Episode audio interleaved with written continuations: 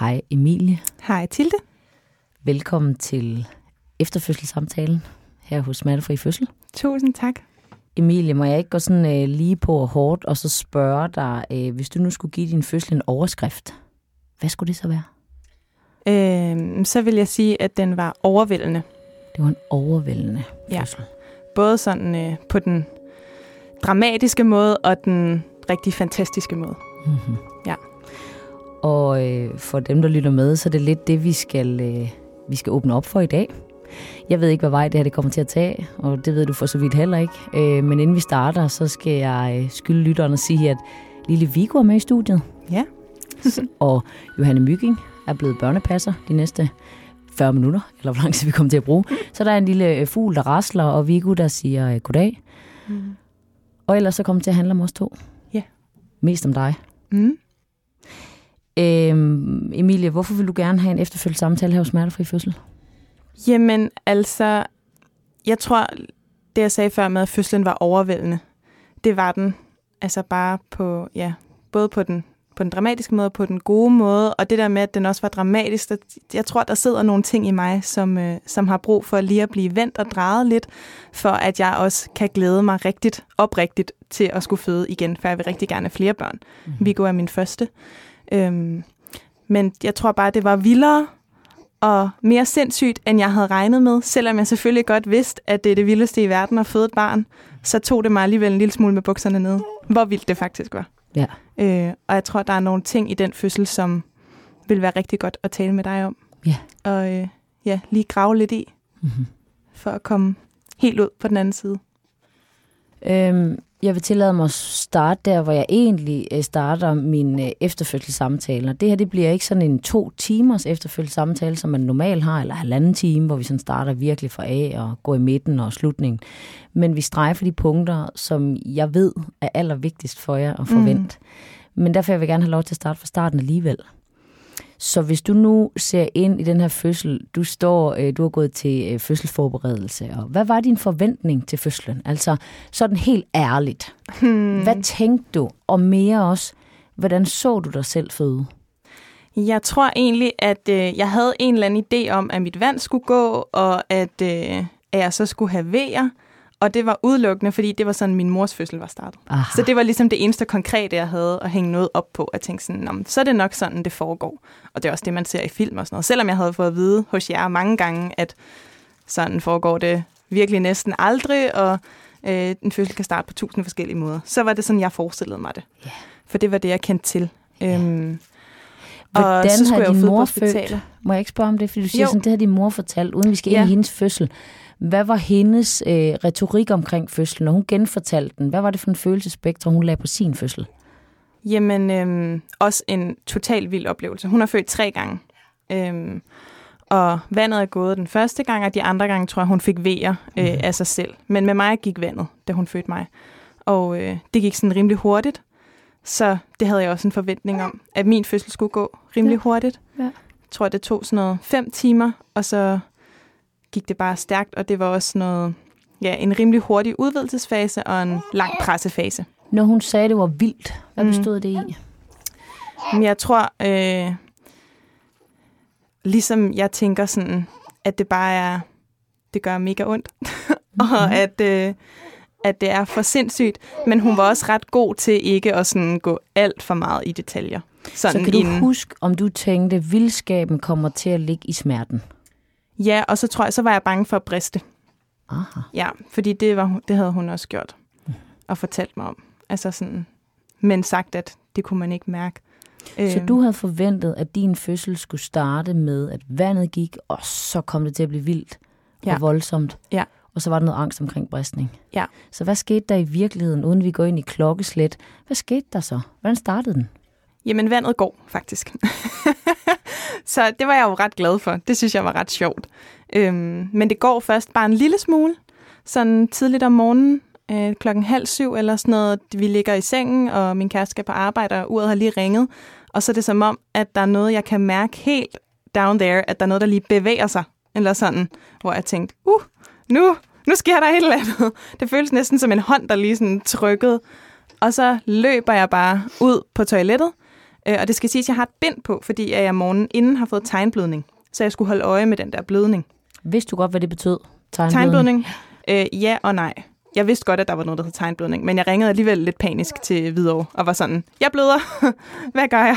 Ja. Selvom jeg jo nok, jeg vidste godt inderst inden, det bare var det. Men hun sagde ret fint til mig, at jeg skulle bare tage bind på at holde øje med det, og der var ikke noget. Altså, det var bare helt stille og roligt tegnblødning. Øhm, men det var ret fedt, at jeg havde det der bind på, fordi så kunne jeg jo se på en eller anden måde, hvor meget vand der faktisk var. Og jeg havde bare et almindeligt øh, menstruationsbind på, og det blev helt fyldt øh, på den der tur på hvad? 30 meter ud til toilettet. Men så kommer der ikke mere, øh, og vi ringer ud til videre og får en tid kl. 11, fordi at hun siger til mig i telefonen, så skal vi jo lægge en plan, hvis det er vandet, der er gået. Og det lyder det ret meget, som om det er. Og jeg havde ikke fået vejer endnu. Øhm, og jeg tænker lynhurtigt, jeg har været til en zoneterapeut, og jeg har snakket med jer, og I har alle sagt, ud og gå, og man får gang i vejerne og sådan noget. Så øh, vi går en tur, min kæreste og jeg, og... Øh, no, Ej, siger Viggo. Det er du sur? Ja. Øhm, og handler lidt ind og går tilbage og ligger sig ind i sengen og prøver at få det der oxytocin-niveau op. Øhm, og så går der 10 minutter, så er klokken blevet halv 10, og så går vandet ægte rigtig meget. Og, øhm, og forstod du godt, hvad der skete her? Ja. Godt. Jeg tænkte rimelig hurtigt, okay, men så var det ikke sådan alt vandet, der var gået før, så var det nok bare den der ydre hinde, øhm, eller bare en lille smule, hvis han har stået langt nede i bækkenet eller sådan et eller andet, så er der bare en lille smule, der er kommet ud, men nu er det rigtigt gået. Og det var jeg faktisk ret glad for, fordi jeg var en lille smule i tvivl faktisk, om vandet egentlig var gået før, selvom jeg godt vidste, at okay, der kommer jo ligesom noget ud, og det er ikke tis. Så øh, noget er jo i gang. Og så øh, ringer vi ud til Hvidovre igen, og vi holder fast i den der tid klokken 11, fordi at der er kun en time til jo allerede nærmest. Så hun siger, før I når derud, vi bor på Amager, så er der jo gået en time. Og øh, så når jeg jo lynhurtigt og tænker, shit, nu skal de der vejer bare i gang, fordi nu er vandet rigtig gået i hvert fald. Der går heldigvis også kun 5 minutter, 10 minutter, så starter de. Og så går det rigtig hurtigt. Og hvordan starter de? Hvordan føler du? Hvordan opleves den første V? Ved du godt, det er en V? Ja, altså, ja, inderst inden ved jeg godt, det er en V, men der er et eller andet i mig, der stadigvæk er en lille smule tvivl, fordi det gjorde ikke ondt sådan rigtigt. Det murede bare lidt. Jeg rejser mig ligesom op fra toilettet og har fået tørre trusser på og øh, et nyt bind, og øh, står så ude i vores gang og skal egentlig bare til at gøre mig klar til at gå ud af døren, jo, og vi ringer efter taxaen, og så kommer det ligesom om i lænden, at der er noget, der lige snorer lidt. Øhm, og jeg bliver glad, fordi jeg tænker, okay, nu starter der et eller andet, øhm, men det gør ikke ondt, så jeg var også sådan, åh, det må gerne gå lidt mere i gang, men det må heller ikke gøre alt for ondt. Jeg tror også, jeg blev lidt bange, at sådan, okay, det er sådan lidt splittet. Nu starter det, mega fedt. Shit, nu starter det. Åh, oh, oh, agtigt. Øhm, og så går der ja, ret kort tid, føler jeg. Jeg kan ikke huske, hvor lang tid det går, for vi når slet ikke at tage tid på V'erne, fordi at det hele ligesom bare går rimelig hurtigt, og vi har ringet efter den der taxa. Så kommer der en til V, og den skal jeg arbejde med. Øhm, hvor jeg bruger laboroværktrækningen, som jeg har lært hos Smertefri Fødsel, og står i vores vindueskarm og tager den og ser taxaen komme, og vi løber derud og skal hente min lille søster på vejen, skal det lige siges. Hun skal med til fødslen. Og, øh, og må jeg ikke stoppe dig? Jo. For jeg har sådan lyst til at spørge, nu sidder vi her jo retrospektivt, nu ja. har du ægte født. Ja.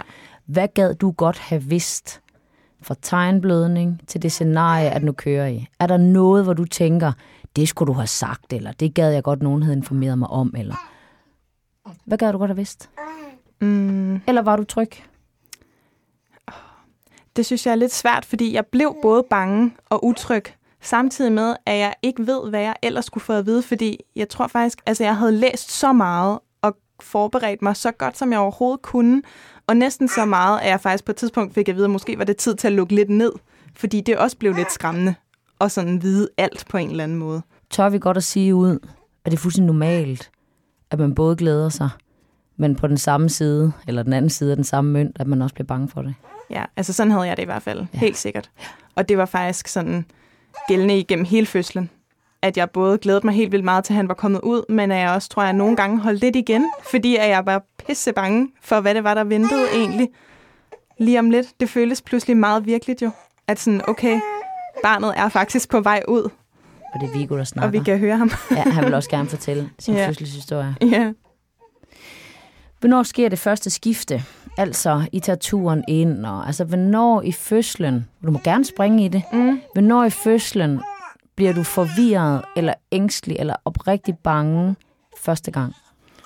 Mm, Hvis det overhovedet sker. ja, Hvor, hvor er forvirringen hen? jeg tror, den allerførste sådan, forvirring hos mig er nok, da jeg er 6 cm åben og ligger i kar. Øh, der er klokken 11.30, tror jeg. Så vi er lige kommet ud på Hvidovre, og det er gået rimelig hurtigt. Der har jeg VR i to timer, og så er jeg 6 cm åben. Øhm, men jeg var allerede 5 cm åben, da vi kommer derud, og jeg var sådan, okay, det var gået rigtig hurtigt, og så var det som om, at det stagnerede en lille smule, selvom at jeg havde galopperende vejer. Altså, der var næsten ikke nogen pauser imellem dem. Så jeg tænkte jo inde i mit hoved, okay, det her, det kommer til at tage en halv time nærmest, fordi det går bumstærkt. Og øh, det gør mega naller, og jeg kunne slet ikke sådan styre min krop nede i det der kar. Altså, jeg kajtede bare rundt, fordi at jeg gled fra en side til den anden, og jeg kunne faktisk ikke bruge laboeværktrækningen. Jeg mistede den fuldstændig, fordi det gjorde så naller. Og bare, øh, jeg følte lidt, at min krop, den bare løb afsted med mig.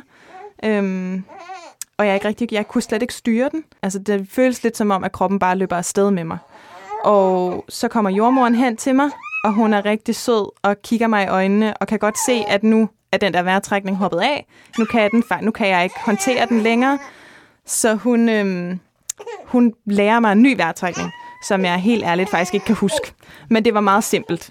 Jeg tror, det var sådan noget to hurtige og et dybt, man skulle holde vejret. Eller sådan. Det var helt simpelt. For mig var det, der hjalp allermest i virkeligheden at kigge hende i øjnene. Øhm, og så hun ligesom, hvad hedder sådan noget, hun lavede vejrtrækningen sammen med mig. Så jeg gjorde bare det, hun gjorde, uden at tænke over, hvad jeg gjorde i virkeligheden. Ja, Og det hjalp rigtig hende. meget. Ja, det hjalp rigtig meget. Ved du, hvorfor hun gør det der? Mm. Jeg tænker det er for at hjælpe mig. men, øh, men ellers ikke, nej. Det er, fordi hun er dygtig. Det er, Ja. fordi hun godt kan se, at du bliver bange. Og hvis hun ikke, og du ligger på sådan en knivsæg, kan du genkende det? Ja, Altså, enten så holder jeg fast i vejrtrækning, mm. eller så bliver jeg bange. ja, Og nu mister du din vejrtrækning. ja. Og der er hun der lynhurtig. Mm. Og så får hun dig til at defokusere. Hun får dig til at skifte din vejrtrækning. Ikke over i noget helt ukendt. Og der synes jeg, hun er ret kvik. Altså også omsorgsfuld. Hun mm. spejler dig, og hun ser dig, og så siger hun en afart af. Gør. Ja, Kigger dig i øjnene. Og så får hun dig tilbage på sporet. ja, Kan du huske, vi taler om, at så længe man handler, så længe kan man ikke gå i panik. lige præcis. Og man kan jo ikke handle hele vejen igennem. Nej. Det er jo så, sådan er fødsler jo. Så der, hvor du mister den, Mm. så hiver hun dig op på hesten igen. Ja, og det var nemlig rigtig meget en følelse af, at jeg kunne ikke handle i virkeligheden der, men hun handlede sig for mig, og det var rigtig rart. Og hun lærte Simon, min kæreste, og min søster, som var med, at gøre det samme, så de også hele tiden kunne hjælpe mig. Så hun Og det var- ud af, hun gav Det dem, var meget altafgørende. og så hjalp de, og så trak hun sig ud. Ja, det var rigtig godt. Kan du forestille dig et billede af, at hun ikke har hjulpet dig der? Ja, og så tror jeg, altså det lyder måske lidt åndssvagt, men så var jeg måske glidet ned i det der vand og havde fået hovedet helt under. Altså både sådan metaforisk og fysisk, fordi jeg kunne ikke styre min krop lige pludselig. Og det føltes også lidt som om jeg druknede i den der V. Altså, Så det var, jeg skal pådutte dig noget, kan du se din styrke i det? Du trækker dig selv op af karret, spejler hende og kommer op på hesten igen. ja, det var rigtig rart. Sejt. Nu siger du, at der opstod en forvirring der i badekarret. Hvad Mm. bestod den i? Men Jeg tror, at på et tidspunkt, så... Øhm, så Kan man godt, kan man kan da man godt høre det? abstrahere fra ham?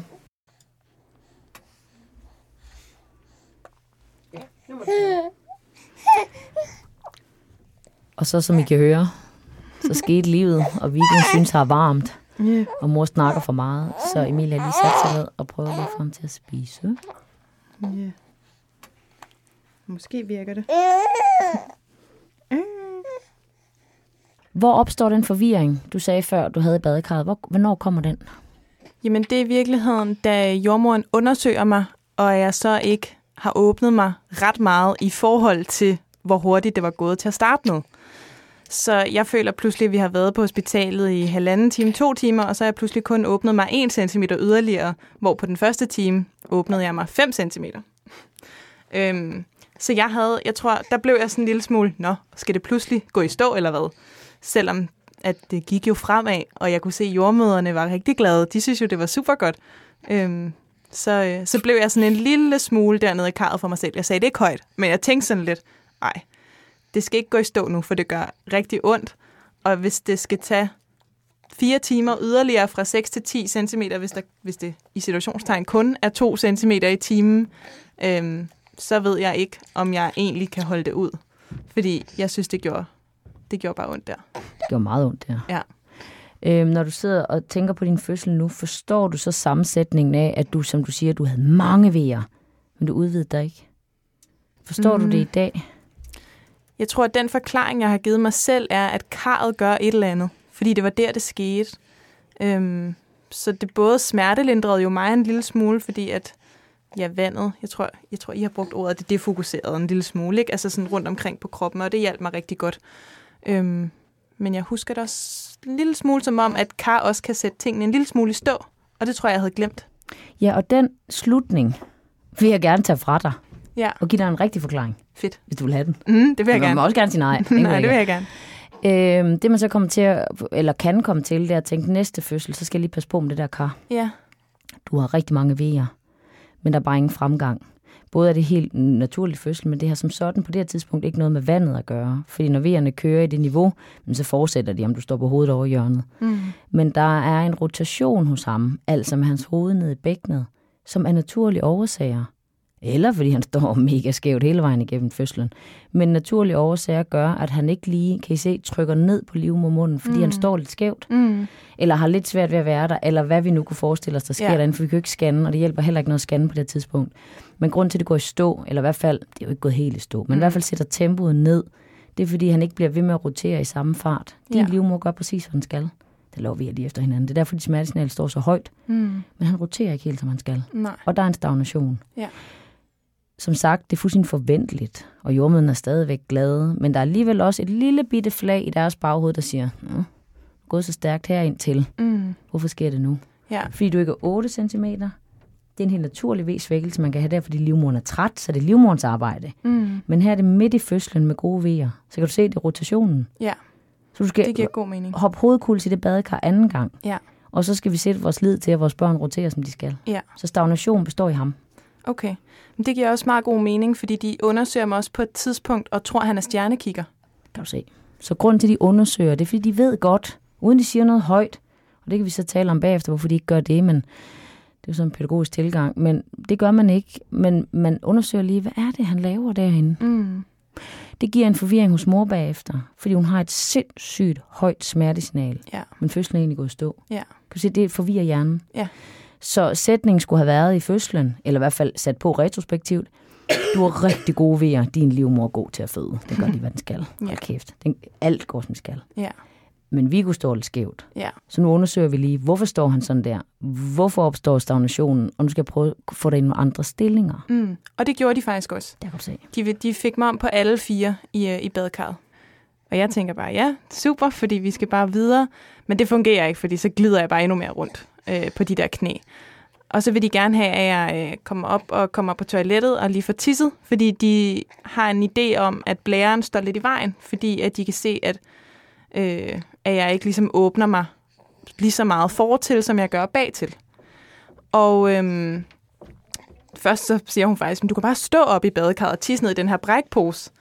Og der var jeg bare ved at dø af grin, selvom at jeg havde ret ondt, fordi jeg tænkte, altså laver du sjov, det kommer ikke til at ske, at jeg står op i det her badekar og tisser lige nu.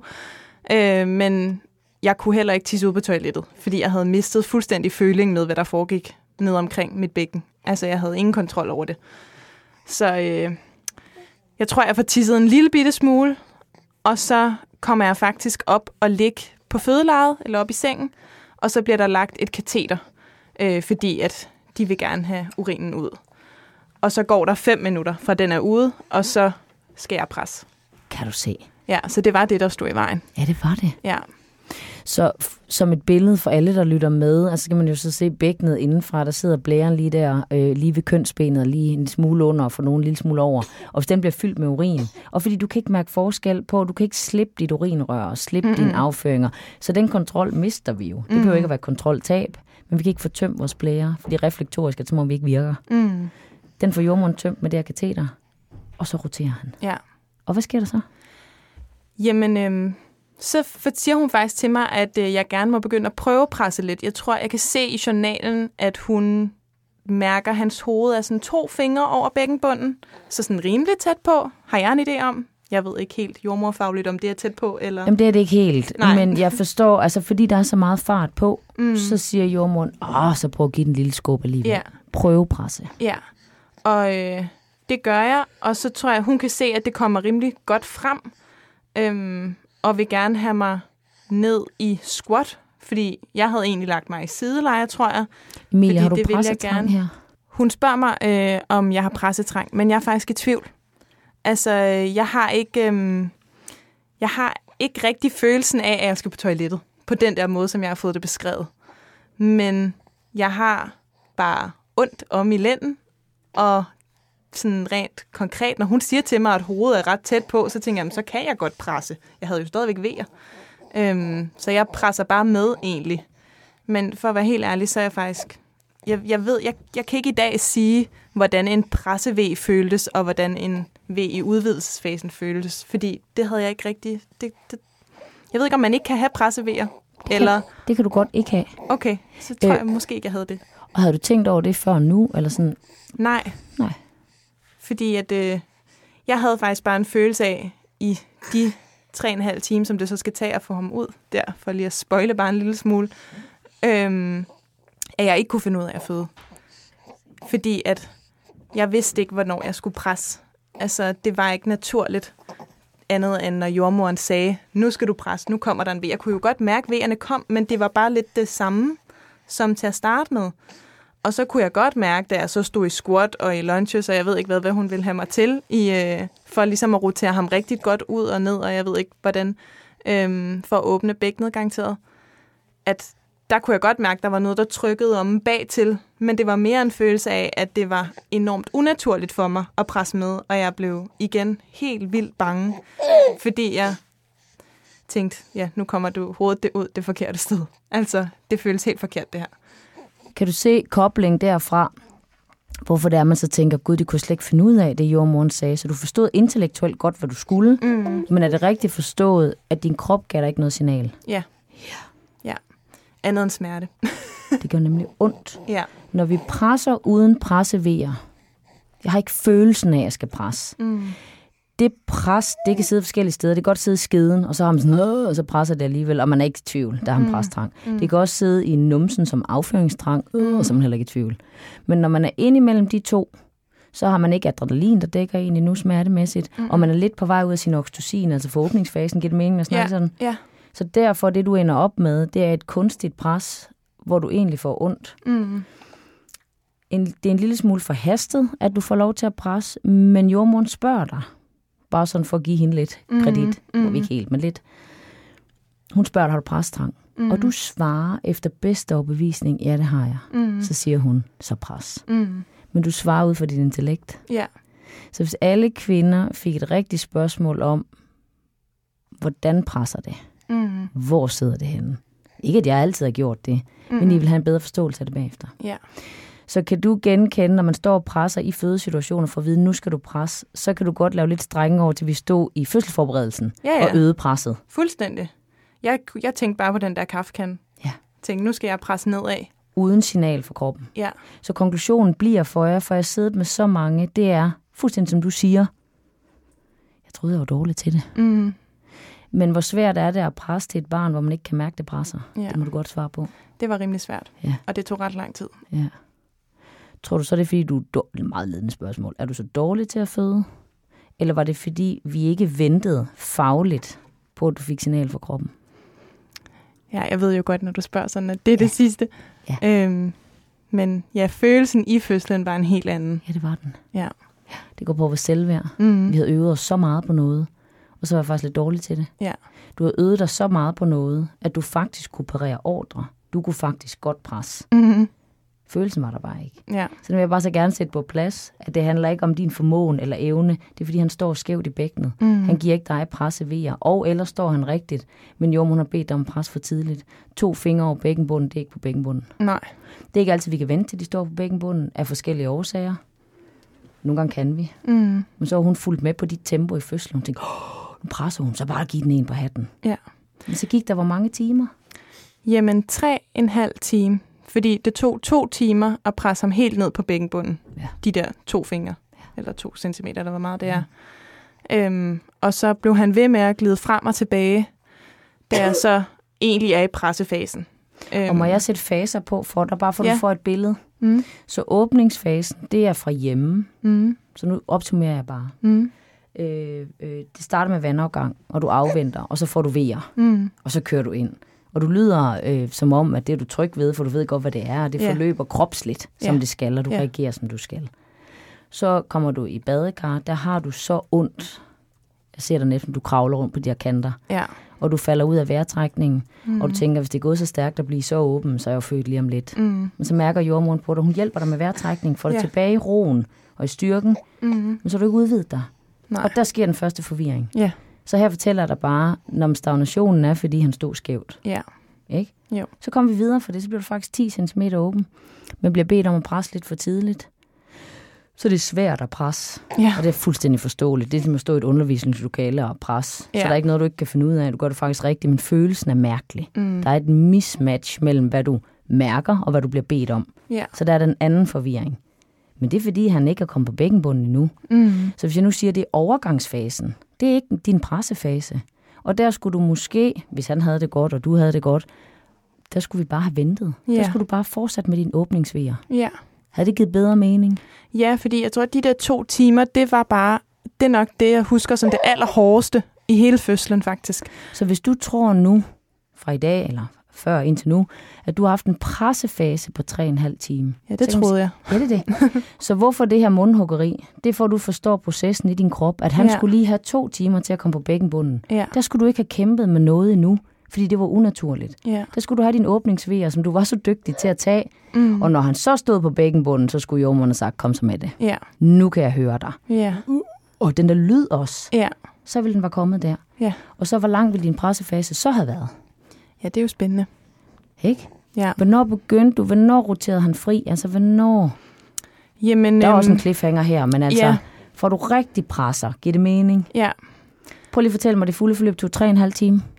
tre og en halv time, ja. To timer, hvor jeg presser ham ned, og så halvanden time, hvor jeg presser ham ud, hvor han bliver ved med at glide frem og tilbage, og jordmoren ender med at må stikke nogle fingre ind og øh, holde i hans hage, så han ikke glider tilbage. Og i det, hun gør det, opdager de, at hans arm ligger op ved hovedet. Aha. Så skal jeg fortælle dig her. Øhm, ja. Så din overgangsfase er cirka to timer. Kan du huske for undervisning, der er det helt normalt at presse aktivt Ja. i en time. En Ja. halv til en hel time. Ja, præcis. Det gør du også. Men så presser du mere end den time, og der, Ja. og der begynder vi på indgreb. Kan du huske det? Ja. Så hvis man presser mere end en time, så kan man se, at der er noget ballade her. Mm. Enten en arm, eller et hoved, der ikke står rigtigt. Og så enten Mm. så kommer du op i squat, eller vi har håndgreb, eller så Mm. ligger vi sugekop. Ja.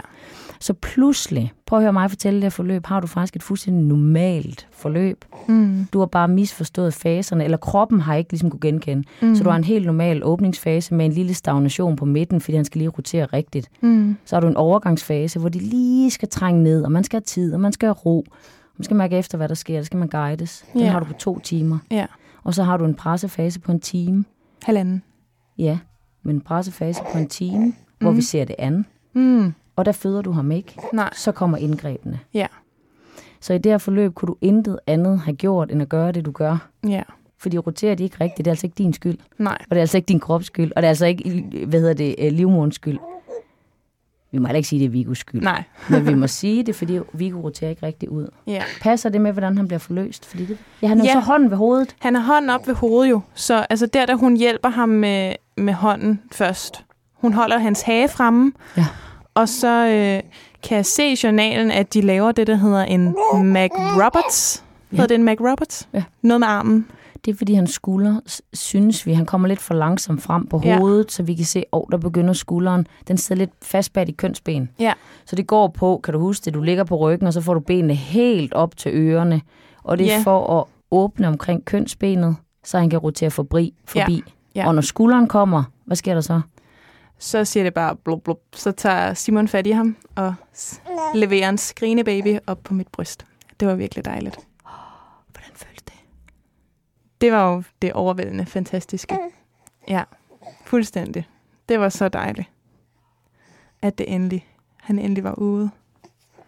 Ja, og min søster, hun filmede det, så jeg kan se i dag, altså sådan, hvad det, hvad det faktisk var, der skete der til allersidst, ikke? Og faktisk, altså sådan, det tog jo kun et minut og 20 sekunder eller sådan noget.